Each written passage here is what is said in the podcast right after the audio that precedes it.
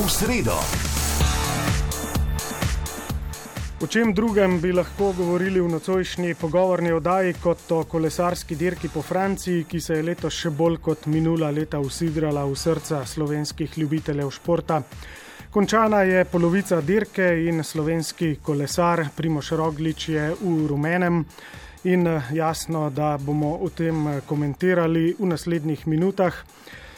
Gostje pogovorne vdaje so Martin Hvastja, zadnje čase najbolj znan kot televizijski komentator Tura, pa Gorast Penko, direktor Maratona Franja in športni direktor ženske ekipe Ale BTC Ljubljana, ter novinarski kolega Dare Rupar, ki seveda tudi že dolgo leta spremlja največje kolesarske spektakle. Vdajo pa bom povezoval Igor Tominec. Za začetek vprašanje za vse tri, ali se tole letos odvija na turu res po sanskem scenariju, saj smo vsi pričakovali, pa mislim, da je vendarle na koncu izpadlo vsaj v prvi polovici dirke še bolje, kot uh, bi si mislili. Ja, doslej je vse dobro. Uh, mislim, da se ne moremo pritoževati, pa dirke je za nami. Situacija je uh, vsaj uh, strani Primoža in njegove ekipe pod kontrolo. Uh, oblekli so tudi zasluženo, mislim, da rumeno majico, ekipa, ki je um, prišla s tem namenom na dirko po Franciji, ki je bila toliko dominantna na pripravljalnih dirkah in ki je pokazala največ v prvih, v prvih desetih dnevih, si to pač zasluži in predvsem ne, uh, je to ekipa, ki jo lahko tudi obdrži oziroma drži do Pariza. Uh, tako da, kaj drugega kot zadovoljni, jasno ne moremo biti tudi z vsemi ostalimi slovenskimi kolesarji. Uh, predvsej besed uh, lahko potrošimo tudi na račun tega Pogačarja. Uh, kaj bi bilo, če ne bi bilo Primoža Rogliča, verjetno bi vsi držali pesti za njim, tako pa smo vsaj nekoliko v precepu. Uh, vemo, da je pokazal največ v hribih, uh, pokazal je ne samo, da je izjemen talent, pokazal je izjemno borbeno vožnjo, pokazal je to, da je verjetno tudi uh, vsaj v tem trenutku, oziroma v tem delu dirke, ki je za nami bil najmočnejši, tudi na klancih. Uh, In uh, dejansko, uh, če ne bi imeli vodilnega uh, v rumeni majici Primoža Rogliča, mislim, da bi uh, krepko držali pesti tudi za Tadeja Pogačare, kajti ne samo, da je pokazal, da je najboljši, pokazal je celo to, da je pri rosnih letih že čisto resen pretendent tudi za skupno zmago. Ne vem, če že letos, ampak enkrat zagotovo. Ja, takole bi rekel. V športnem slogu zaželimo naj zmaga najboljši, samo da bo seveda prišel iz Slovenije.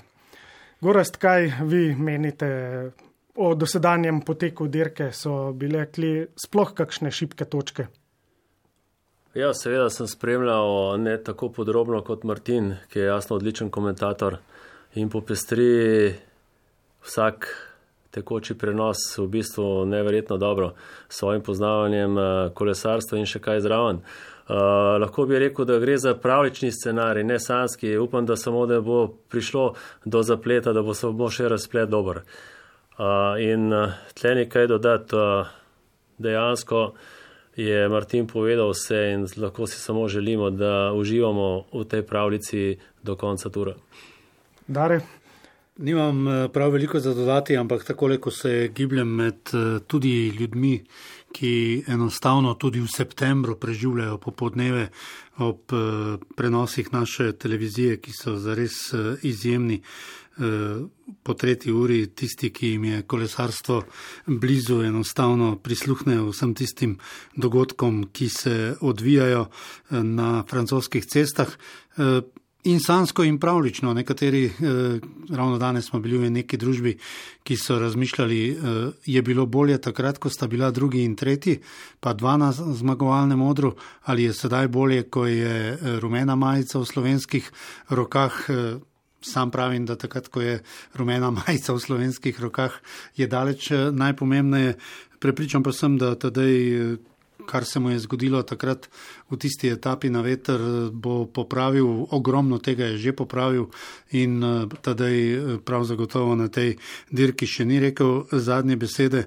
Bi pa sam še nekaj dodal. Na tem maturu imamo pet uh, slovenskih kolesarjev, vsak ima svojo vlogo in vsaj za moj okus uh, so jo vseh, vseh pet uh, zelo dobro uh, opravili. Tudi konec koncev Matej Mohorič, za katerega je morda, morda nek, nekoč ob dveh naslovih svetovnega prvaka nekdo razmišljal, da je on tisti prvi, uh, ki se mu bo odprlo kaj podobnega, kot se je zdaj primožil in tadej skrbi za Mikela Lando in konec koncev uh, 11 etap, desetkrat slovenec na mestih uh, top 15.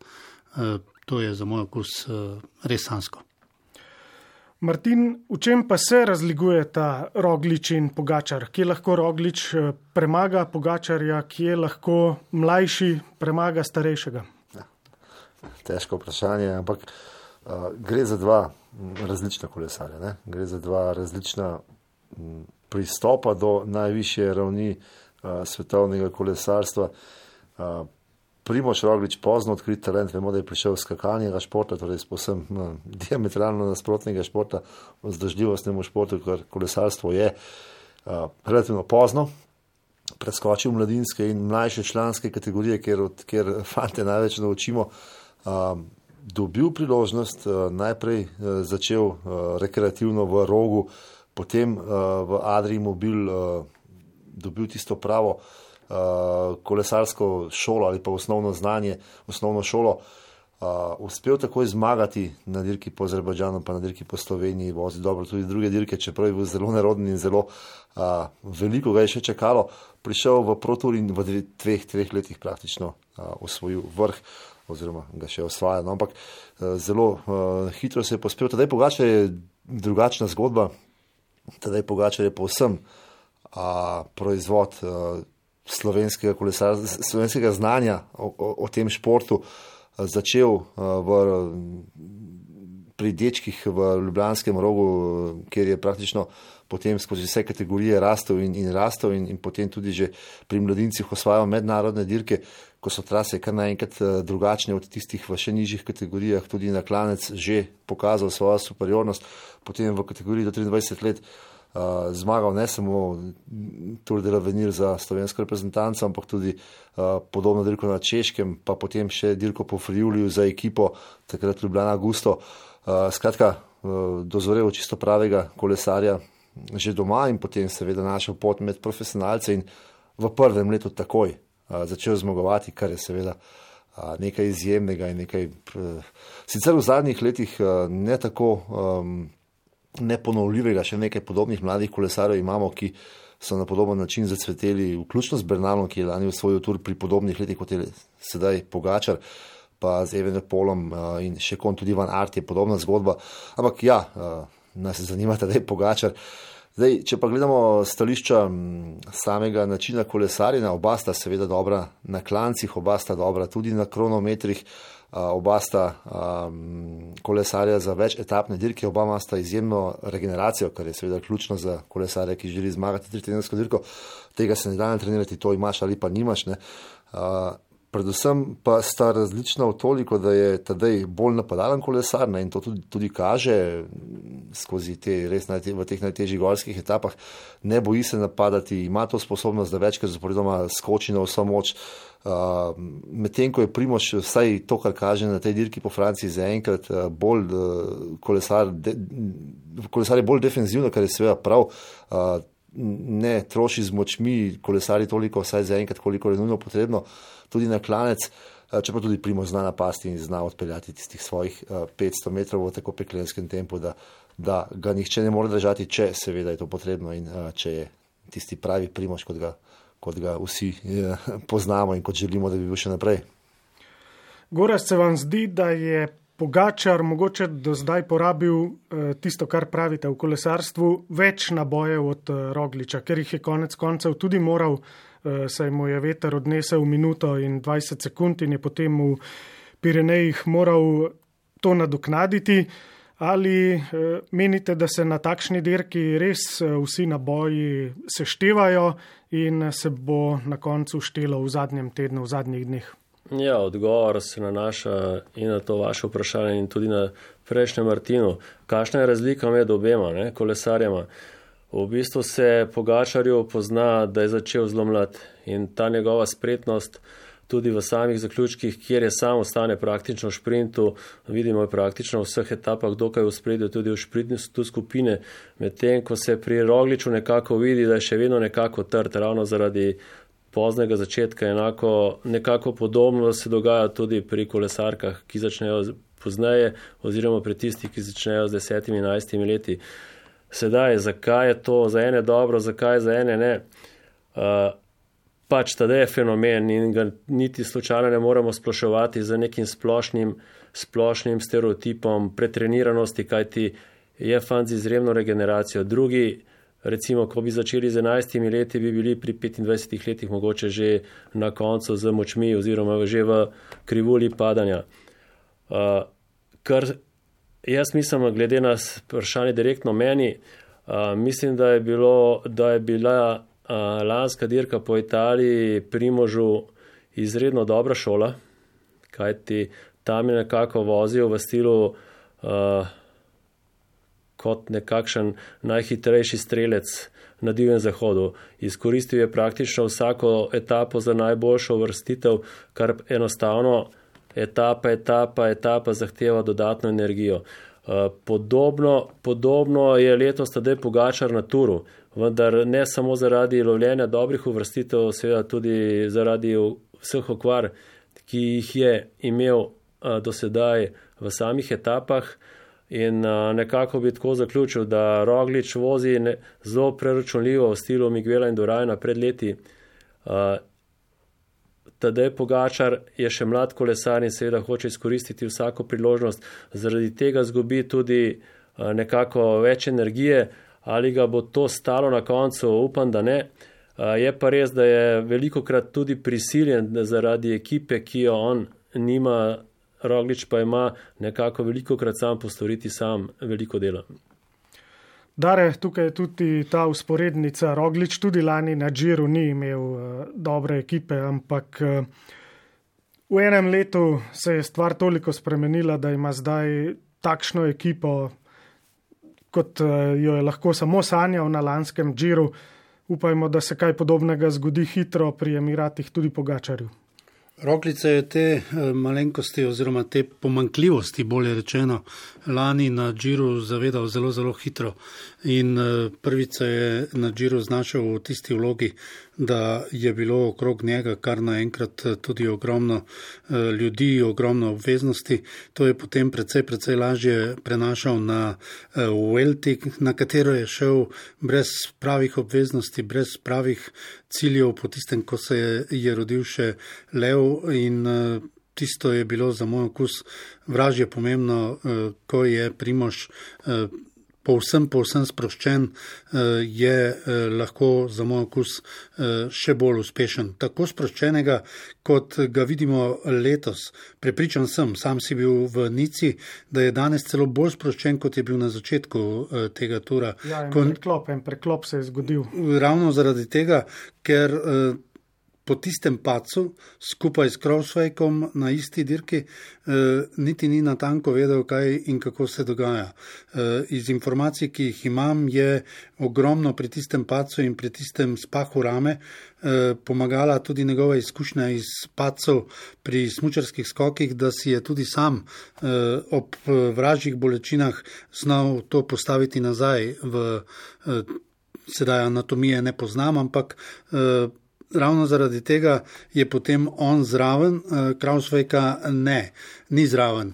Uh, seveda ugibam, uh, to bomo morali nekoč vprašati Rogliča, ampak vsi smo videli v tistem filmu, kako se je opravičil fantom za mizo zadnjo etapo na Dauphineji in povedal, žal ne bom opravil tistega, kar ste pričakovali od mene, ampak že takrat so mu fantje po večini obljubili, da eh, pride še močnejša dirka in eh, to, to zaupanje, ki si ga je slovenec pridobil v nizozemski zasedbi.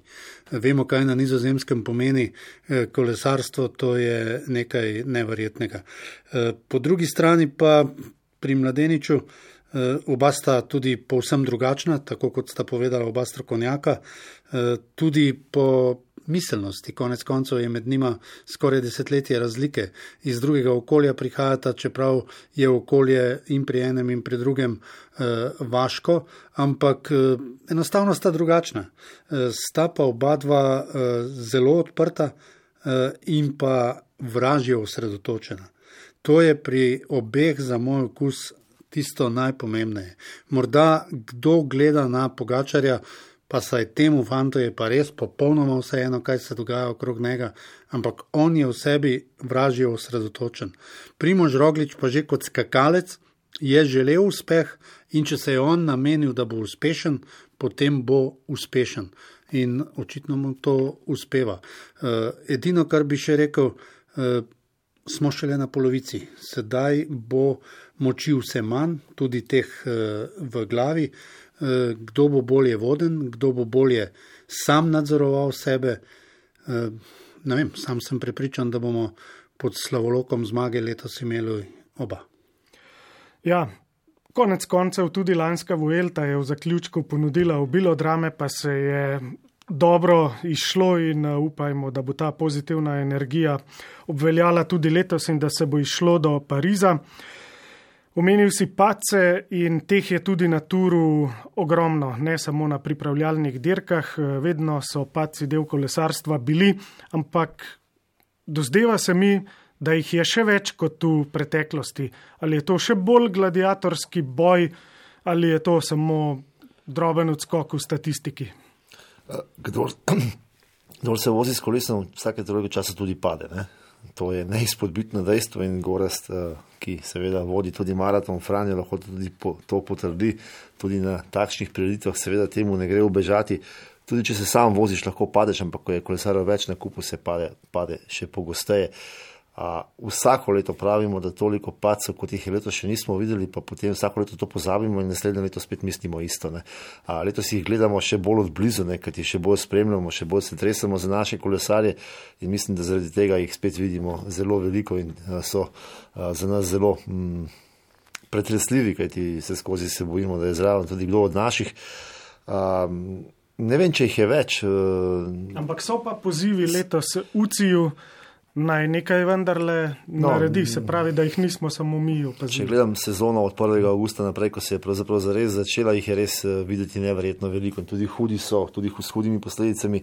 Uh, predvsem mislim, da uh, sta dve stvari. Prva je ta, da uh, je neverjetna želja kolesarjev po dokazovanju, kajti več kot pol sezone je tako ali drugače zamujene, sedaj smo v treh mesecih. Uh, stlačili kompleten program največjih dirk, ki bi moral biti razporejen čez deset mesecev. Uh, in zato je toliko večja nervoza, želja po dokazovanju, želja po rezultatih, želja po, po uspehu, ki seveda pripomore k temu, da je pacev več. Po drugi strani pa večina od njih ni dirkala šest mesecev, nekateri devet, nekateri pa tudi dvanajst in več. In dejansko so se pozabili voziti v skupini to ni kar tako, že ko, se, ko sem sam dirkal, se spomnim, da po zimi, kot tri mesece, ko si imel tekmovalni premor, tri mesece, si bil februarja potem zelo prestrašen in, in, in nekaj, nekaj poguma manj, preden se potem spet navadiš nazaj na tiste hitrosti, predvsem na spustih in na teh uh, šprinterskih zaključkih, tudi sama vožnja v skupini, ker gre včasih za centimetre. Uh, je uh, lahko zelo nevarna, če te je strah, in ko te je strah, potem je pa še več. Ne?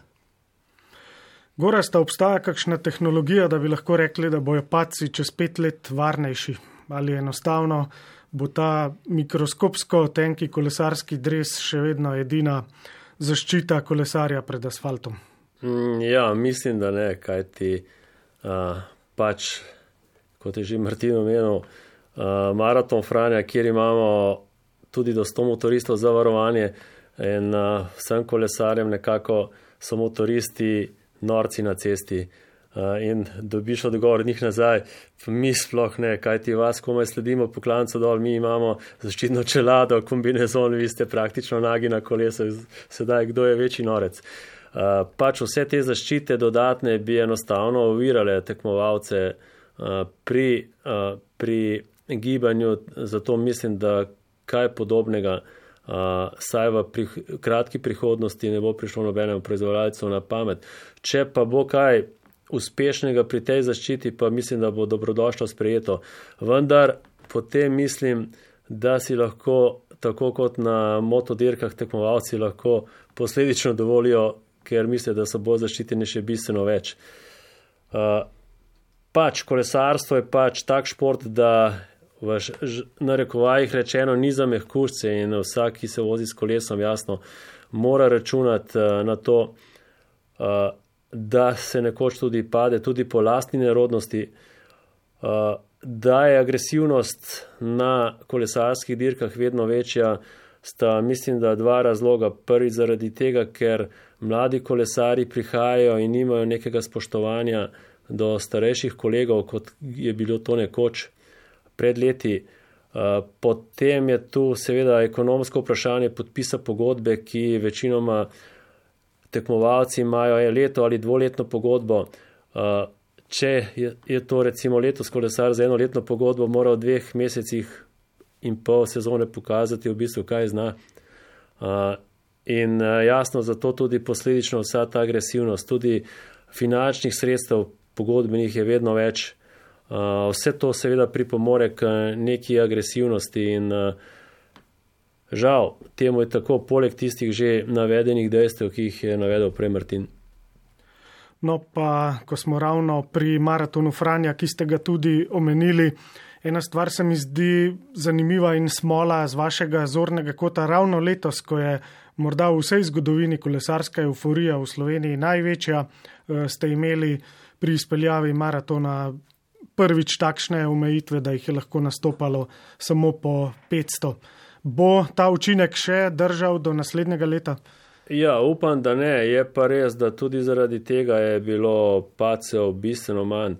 Predvsem je pri izvedbi maratona presenetilo to, da zaradi gradbenih del na, na vstopih v Ljubljano in izstopih iz Ljubljane, smo, na izstopih iz Ljubljane, to se pravi po samem štartu, smo neutralizirali štart v dolžini 11 km, uh, kajti nisem si upal, da bi na teh deloviščih bil odprt štart samega začetka. Odločitev je bila popolnoma premilna in udeleženci so zelo mirno sprejeli to odločitev in praktično ni bilo paca do dolgega mostu. Tam smo počakali tri minute, da smo se ponovno zbrali vsi kolesari skupaj, enostavno tako kot je na Tour de France in na največjih dirkah. Uh, odmor tri minute, mogoče izkoristil še vsak posameznik za kakšne minimalne potrebe oziroma popravke na kolesu, karkoli, in potem je štart potekal mirno, kar je privedlo do tega, da praktično nismo imeli pacev. In posledično tudi na samih dveh trasah je bilo teh situacij bistveno manj kot prejšnja leta. Uh, seveda gre vse to tudi zaradi mirnosti poteka štarta in pa seveda manjše odeležbe. Je pa rast, jasna ironija ta, da je na prvi izvedbi maratona štartalo skoraj 250 tekmovalcev oziroma udeležencev več kot na letošnji izvedbi. Ja, še naprej smo pri pacih. Eh, en zanimiv eh, komentar Bradleya Viginsa, ki je rekel, kdo se boji paca oziroma kdo se boji na tisti prvi etapi, ki je bila najbolj drsalna, če temu tako rečemo, naj se enostavno upokoji. Dare, kako bi ti komentiral to zadevo? Bradley je to rekel iz studija. Ne? Zdaj, če bi bil Bradley v tisti karavani, eh, kjer so se pogovarjali predvsem Ala Filip in pa Primož, to mi je bilo vražje zanimivo, da je Ala Filip prišel do Primoža in ne do recimo Dimulena ali pa lanskega eh, zmagovalca Bernala, kar mi je prvič dalo nek pokazatelj vsega skupaj, da če se Ala Filip vemo, kaj vam pomeni v Franciji, pogovarja z Primožem o tem, kako se bo karavana eh, odzvala na vse skupaj, potem je vendarle Primož eh, zelo, zelo cenjen v tej karavani. Konec koncev je prvi na svetovni lestvici. Čeprav eh, smo morda doma bolj skeptični do vseh teh številk in eh, niti ne vemo, ali smo samo mi toliko euforični, da je Primož že skoraj 12 mesecev na tem prvem mestu, ali to znajo ceniti tudi zunaj, ampak vidimo, da znajo precej, precej ceniti eh, ravno to tudi eh, v teh eh, kolesarsko razvitih državah. Sam sem imel to srečo, nisem bil kolesar nikoli, ampak eh, ko sem bil na tekmovanjih v teh res kolesarsko razvitih državah. Eh, pa morda je ravno na vrhu eh, Nizozemska, eh, je to nekaj neverjetnega, kakšno spoštovanje imajo ti fantje eh, samo na cesti. Eh, seveda se morajo držati eh, cestno-prometnih predpisov, ki so tudi za njih zelo strogi, ampak eh, kakšno spoštovanje pa imajo ti fantje ob progi, že ko se peljejo samo mimo, je nekaj neverjetnega. Eh, bi se pa vendarle, čeprav statistike prav močno ne maram, eh, pa vrnil k podatku, ki sem ga letos zasledil. Eh, sezona je za teh 4-5 mesecev krajša, konec koncev Primoža Rogliča na pravi dirki ni bilo od oktobra do junija. Sam sicer trdim, da se sezona ni začela s 1. augustom. Za moj okus se je sezona začela z našim državnim prvenstvom oziroma nadaljevala na Ambrožu. E, toliko, kot se je o tem državnem prvenstvu tedaj pisalo, e, je bilo nekaj neverjetnega in konec koncev tam smo imeli e, sedaj prvega in šestega e, kolesarja svetovne e, lestvice. E, in podatek, da v lanski sezoni, recimo do konca, do tega datuma, ki eh, je bil letos začetek tura, je bilo 32 eh, poškodovanih kolesarjev, ki so morali eh, počivati vsaj tri mesece. Letos 40. Torej, da ta statistika se vendarle ni povsem zgubila, se pa popolnoma strinjam z Martinom. Velika želja po vrnitvi, veliko tistega, kar se zgubi, če se ne voziš pet mesecev v, samo v peletonu, če smem temu tako reči, ker uh, peljati se v tisti gneči na tistih centimetrih, ki ti pripadajo, to seveda znajo samo tisti, ki to čutijo. Kaj ti vedno govorimo o tem, uh, ko je sprint, zmagovalec vedno čuti, da je zmagal. Uh, ne glede na to, koliko zadaj ali blizu so ostali. Kolesari to čutijo tako, kot uh, ostali športniki čutijo uh, dogajanje na igrišču, uh, zaradi tega, ker so od nekdaj zraven glede izjave Bredlija, bi rekel, tako, tako ko sem jo slišal, njegova izjava je popolnoma neumestna. Če se dobro spomnim, je v podobnih razmerah on bil prvi, ki se ni znal voziti po klancu dol. Uh, tako da je enostavno tisti, ki se ga spomnijo, enako enostavno znerviral, enako tudi mene s to izjavo. Uh, bil sem tisti dan v Nici z, na ženskem turu, iz, na izvedbi tura, uh, ko je enostavno začelo malo deževati, cesta sploh še ni bila popolnoma mokra in ne vem na kakšno čudo se niti ena tekmovalka praktično ni, ni imela paca navzdol. Uh, sem pa že partnerici Urški Žigard povedal, da uh, Tadeja Pogačarja, da bodo imeli moški hude težave popovdne, ko smo zvedeli za vremensko napoved. Tako da uh, enostavno mislim, da je, bila, da je bila odločitev celotne skupine, če je bil to primoš na čelu, izredno pravilna, kajti to etapo nisi mogel toliko pridobiti, koliko bi lahko celotne ekipe izgubile. Martin, kaj pa vi pravite na eh, ta gladiatorski Viginsov komentar ali je vendarle veliko bolje naredila karavana na samem terenu, ki je na čelu z Rogličem upočasnila zadevo. No, jaz uh, sem bil veliko na tleh, ne govorim spenko kot moj tedajni nekdani trener, to lahko potrdi, polomil sem tudi ogromno koles in opreme, uh, včasih sem tudi preveč uh, tvegal in, in, in tudi na ta način poizkušal kaj pridobiti, ampak potem z leti se seveda umiriš ne? in, in, in uh, starejši, ko si bolj te skrbijo tudi te stvari. Uh, Nekateri pravijo, da ko kolesari dobijo otroke, ne, sam jih nisem imel med kariero, potem je konec tudi s sprinti in s podobnimi stvarmi ali in vsem ostalim. Ampak ja, um, Bradley hitro pozabi, ne, kako je na cesti, uh, vozi se z motorjem v glavnini in rad provocira in ta njegova izjava je seveda dosegla, je dosegla zaželen učinek. Uh, vsi smo se pogovarjali o tem, in uh, malo kdo mu je dal prav, tudi jaz se strinjam s tem, da so šli počasi. Škoda je namreč izgubiti tretjedensko dirko na prvi dan te dirke, pa če tudi je etapa zanimiva ali pa cenjena, ali pa da je to grande par v Nici, ki si ga vsi želijo tudi odpeljati na polno. Mislim, da res uh, po mesecu dni, ko tam ni bilo dežja, ni imelo nobenega smisla tvegati vse v prvi etapi. Namreč tam nisi, nihče ni mogel nič pridobiti od teh najboljših kolesarjev, vsak pa je lahko izgubil vse. Ja. Sem pa slišal, zanimivo, ne, da je sedaj oboleli eh, šef eh, dirke, Prodom, eh, celo naročil zdaj, ne vem, predstavniku Quickstepa, naj Ala Filip vendarle vpliva na vse skupaj. Sam tam nisem bil, ampak sem slišal, da se je ta parada EPP vozila zraven in eden od teh, ki je pač tam propagiral neke eh, pripomočke za čiščenje eh, posode, je enostavno kar spuščal to po tleh, penico, eh, penico po tleh in da so potem ugotovili. Ne, to, se, to se je govorilo, pa se je izkazalo, da ni bilo res, ker so krožili samo po nici. Padali so pa no, kolesari na klancih. V, potem je v okolici. Eno stvar bi vas zdaj vprašal, ki se mi je zdela zanimiva, namreč na osmi etapi, to je bila prva Pirenejska etapa, je kazalo, da bi Primoš Roglič že lahko vzel rumeno majico.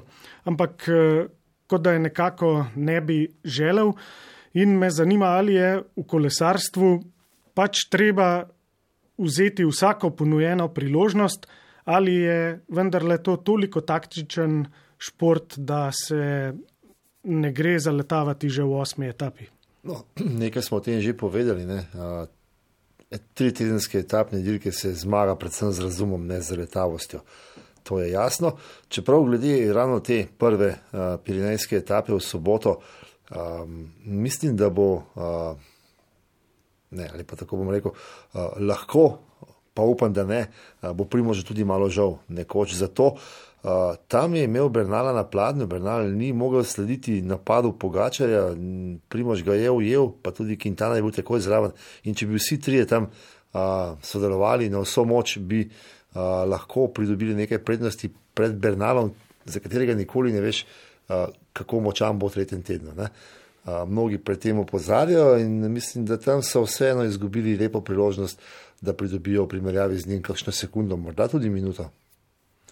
Ja, ker je ena usporednica lanski Džiro, ko se je ja. pa Primož želel znebiti majice, pa se je tudi izkazalo, ko se je znebil, da je ni več dobil. Ni več dobil nazaj. No, predvsem se mi zdi, da tam je bila bolj uh, vprašljiva ta prednost, ki bi jo lahko pridobil pred Bernalom, kot pa samo oblačene majice. Seveda bi majico lahko oblekel že tisti dan in prav nič se ne bi spremenilo z ekipo Jumbo Visme, kajti tudi sicer se obnaša tako, kot da majico že imajo in tudi če bi obranili dan več ali dan manj ne bi bilo prav nobene razlike. Ampak zdi se mi, da so se tako zavestno odločili in na koncu uh, se bo izkazalo, ali so imeli prav ali ne. Gore ste vi kdaj v karieri svojemu varovancu ali varovanki iz moštvenega avtomobila naročili, da naj ta trenutek, čeprav ima noge, da naj ne napade oziroma naj se varčuje z mislimi na naslednje dni. Kako se postavlja ta taktika? Ja, Ne, ne spomnim se, da zdaj je sedaj vseh uh, naših taktičnih izpeljank, čeprav smo jih imeli kar veliko, odvisno od uh, moči ekipe oziroma od posameznikov. Uh, veliko krat, kar pogrešam jasno v tem profesionalnem moškem kolesarstvu, je to, da nekoli ne igrajo na drugega eduta in vedno dajo vse karte na mizo. To se pravi, nekoli ne igrajo pokritega pokrane. Uh, kar je veliko krat v nižjih kategorijah zelo uspešna taktična varijanta. Kar se tiče še prejšnjega vprašanja, sem ga že povedal malo prej na začetku, v bistvu je Primož kompjutersko natančno vozil, da se da in mislim, da je ravnal popolnoma prav, kajti vsak dodaten povečan obrat na koncu šteje in mislim, da, da se Primož počuti tako močnega, da je pravilno reagiral v tem trenutku. Tudi vrtenje pedala, nekako Bernala sedaj in njegov izraz na obrazu, uh, mislim, da ni tako, kot je bil lani. Uh, saj v primerjavi ne z Primožem in pa Tadejem Pogačarjem, nekako so bolj težki obrati kot od naših dveh uh, kolesarjev in uh, upam, da se pri tej oceni ne motim. Uh, drugače pa kar se tiče taktičnih variant, je tako, poznati in moraš zelo dobro posameznika, poznati moraš zelo dobro konkurenco in pa seveda profil in pa vsako ravnanje oziroma enostavno moraš živeti, da spoznaš vsakega kolesarja posebej skupaj z njimi in tako lahko tudi taktično potem diagnosticiraš ali pa predvidevaš vsak razplet v vsaki etapi sedaj več ali manj so vse te top ekipe osredotočene na enega posameznika in imajo praktično že vnaprej povedano vse, na koga se dirka.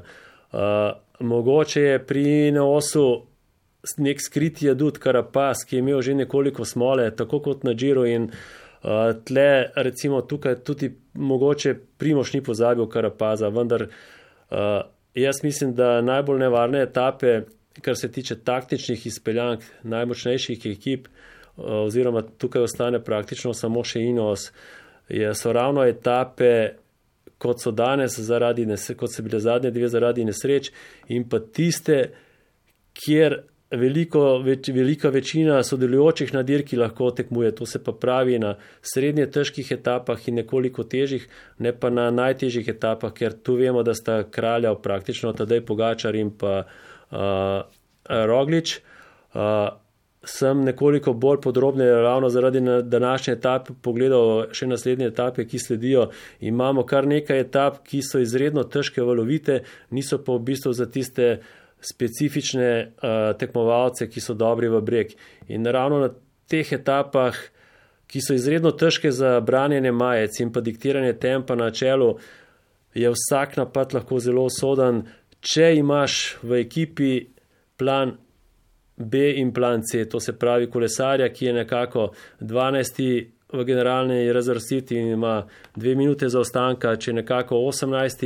v generalni razvrstitvi, ki ima pet minut za ostanka, kajti če se najdejo do, za dosti dobre kolesari v begu, lahko dobijo tudi od štarta prednost 12 minut. Potem je pa od ekipe odvisno, ali te pripelje ta ekipa zraven ali ne. In tu je največja nevarnost, mislim, za Primoža in pa Tadeja.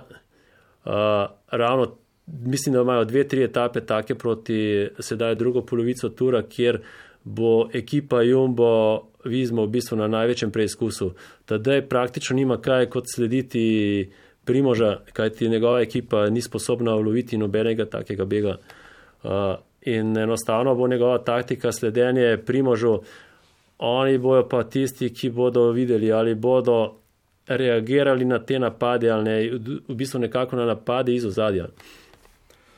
Tega Bernala pa se vsi kar nekako še vedno bojimo, čeprav nadaljuje najmočnejši, ker če pomislim na lanski tur, tudi ni naredil kaj posebnega razen v eni, dveh etapah. Eh, sam sem prepričan, da če ne bi bilo tistega dogajanja lani v Valdizeru eh, s tistim, eh, tistim plazom, da Bernal lanskega tura niti ne bi dobil, ampak bi ga dobil uh, Geran Thomas. Uh, tako sem takrat videl uh, jaz uh, vse skupaj. Uh, ravno danes je prišlo iz vrsti Neosa, da je Geran Thomas priznal na dirki od Tirenskega do Jadranskega morja, da enostavno ni želel s to ekipo, ki so jo določili, s to osmerico na tur. To pomeni, da v Ineosu ni vse tako, kot je nekdaj bilo. Mene ob teh debatah in ker imam to priložnost, da sta tule dva človeka, ki se vozita in narekujeta stvari iz avtomobilov, na srečo sem tudi sam že imel priložnost, eh, vse to poslušati in tisti, ki eh, se s tem niso srečali, enostavno zelo težko o čemer koli govorijo, pa smo seveda zelo, zelo radi pametni, ko sedimo in gledamo. Eh, meni je daleč najbolj zanimiv pri tem, kakšna je bila res komanda iz avta Jumbe Visma, Visme za Primoža so mu morda rekli, da naj gre za pogačarjem, pa ni šel. Eh, kako se odzovejo športni direktori na eh, odločitev, je konec koncev od tistega, ki je na kolesu. Zvečer ga potem lahko in nadiraš in mu poveš vse, eh, konec koncev, tako kot pri košarki, za zadnjih sedem sekund eh, vzameš timeout, srečen si, da ti je timeout še ostal, poveš, kako naj odigrajo, eh, fanti odigrajo drugače. Ali je to sploh možno?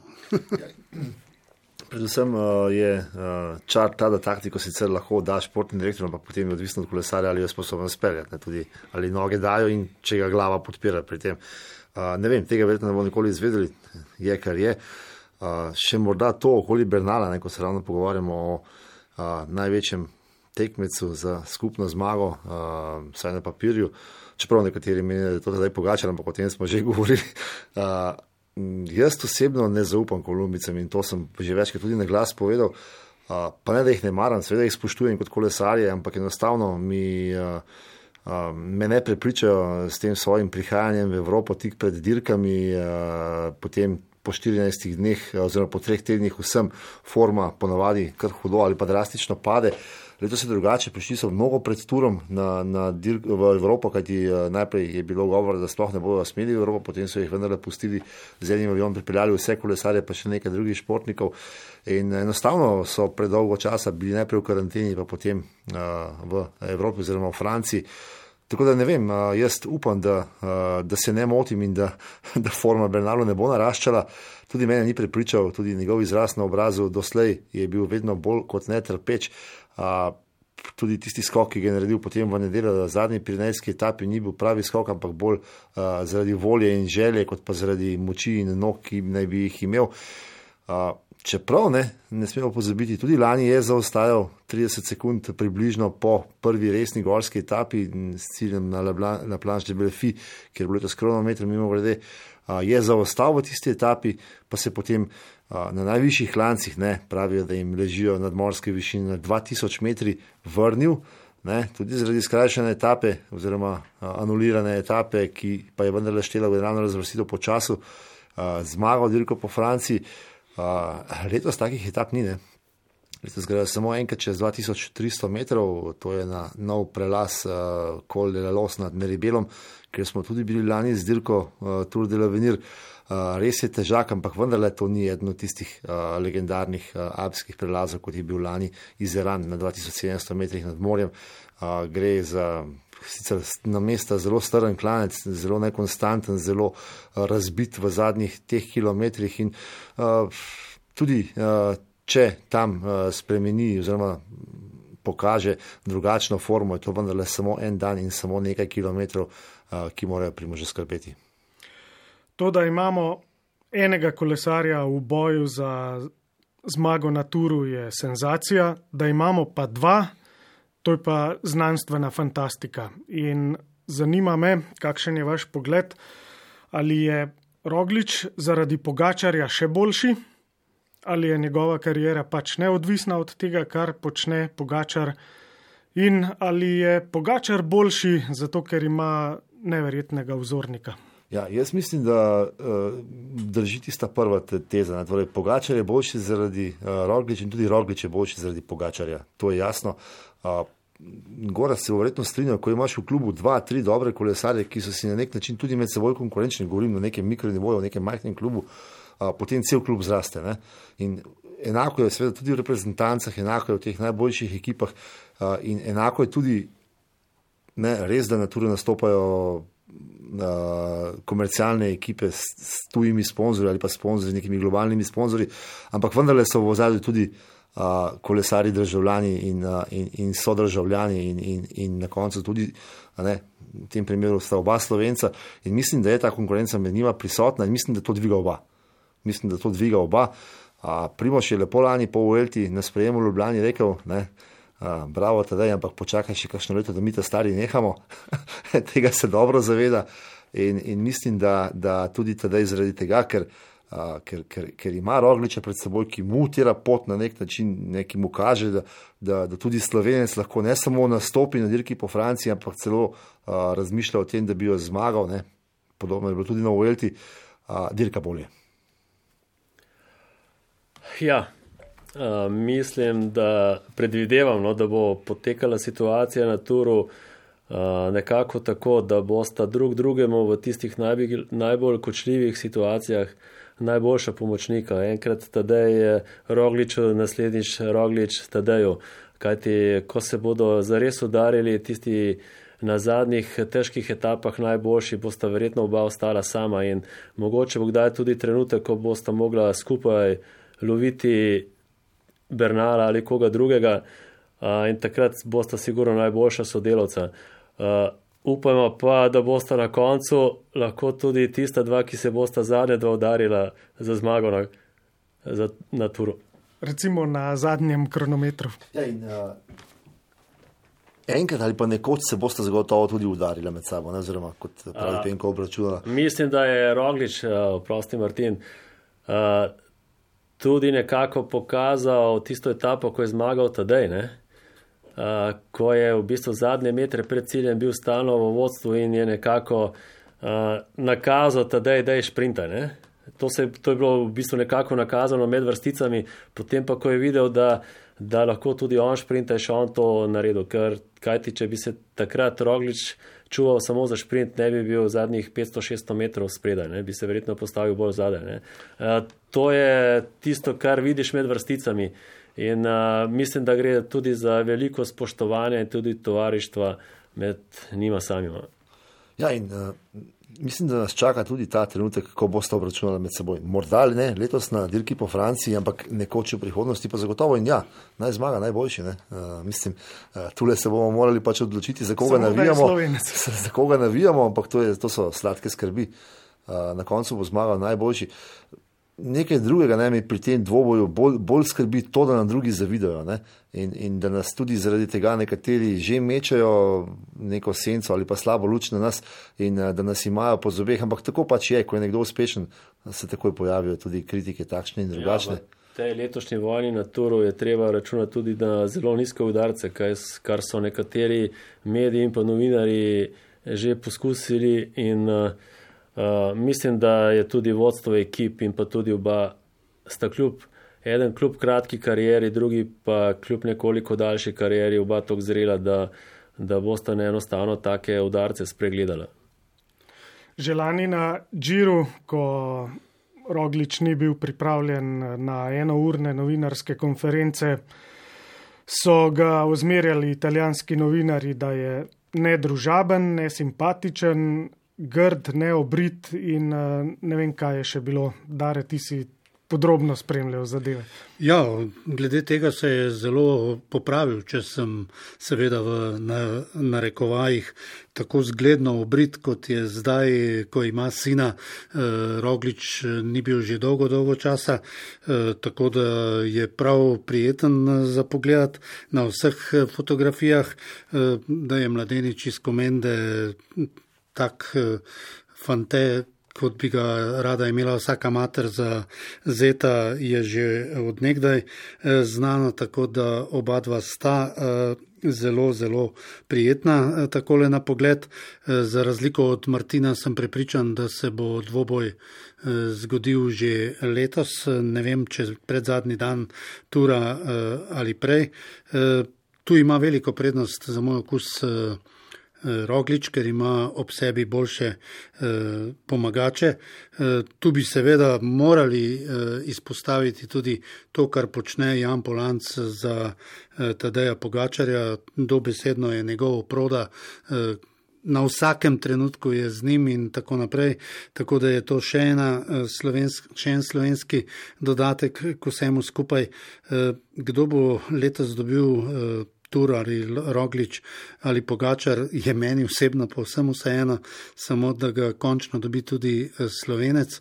Konec koncev smo prvič dobili slovenca z rumeno majico na tej eh, dirki, vseh dirk.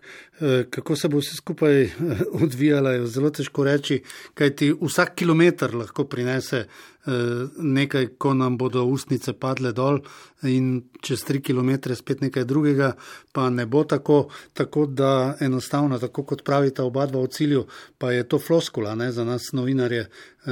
Jutri je nov dan, jutri so novi kilometri in prevoziti jih je treba. Jutri jih je celo 218 uh, km in tudi na teh kilometrih se lahko marsikaj zgodi. Spomnim se uh, uvoda v letosni tur, ko je ravno Martin omenjal etapo tega petka uh, in je že tedaj v uvodu v letošnji tur na uh, oni strani na televiziji povedal, da ta petkova etapa je lahko zelo, zelo zahtevna in kar je danes Gorast potrdil, tam se bo videlo, koliko so te ekipe močne. Sam sem nekoliko razočaran, mislim razočaran. Uh, jaz sem pričakoval uh, nemočnejšo boro. Bora je močna kot vrak in jo morda kdaj izpustimo pri vseh teh zadevah. Eh, na srečo ima za moj okus Bora predvsem slabše pripravljenega Buhmana kot lani. Da bi bil Buhman tak, kot je bil lani, eh, bi bil za moj okus predvsej bliže. Gledam seveda s svojimi očmi. Eh, Bora je vražje, vražje močna in predvsem izkušena in eh, tam lahko konec koncev in sagam počenja, kar hoče in tako naprej, kako je včeraj lepo poslal v grajo našega mezgeca, to smo tudi videli, čeprav je mezgec ta prvič, eh, ki je poskušal z trikratno maurično majico obračunati detajl na vsakem koraku, na vsakem kilometru. In kot je dejal že nekdaj, spet Martin, eh, te njegove eh, stavke si kar pišem eh, tako, da kaj vem potem o biciklizmu. Osem sprinterjev postaviš na start in vsak mora po, svoji, po svojem koridorju. Tule postaviš 198 kolesarjev na cesto in nikomu ni predpisan koridor. Bomo videli, kako se bodo stvari razvijale. Ja.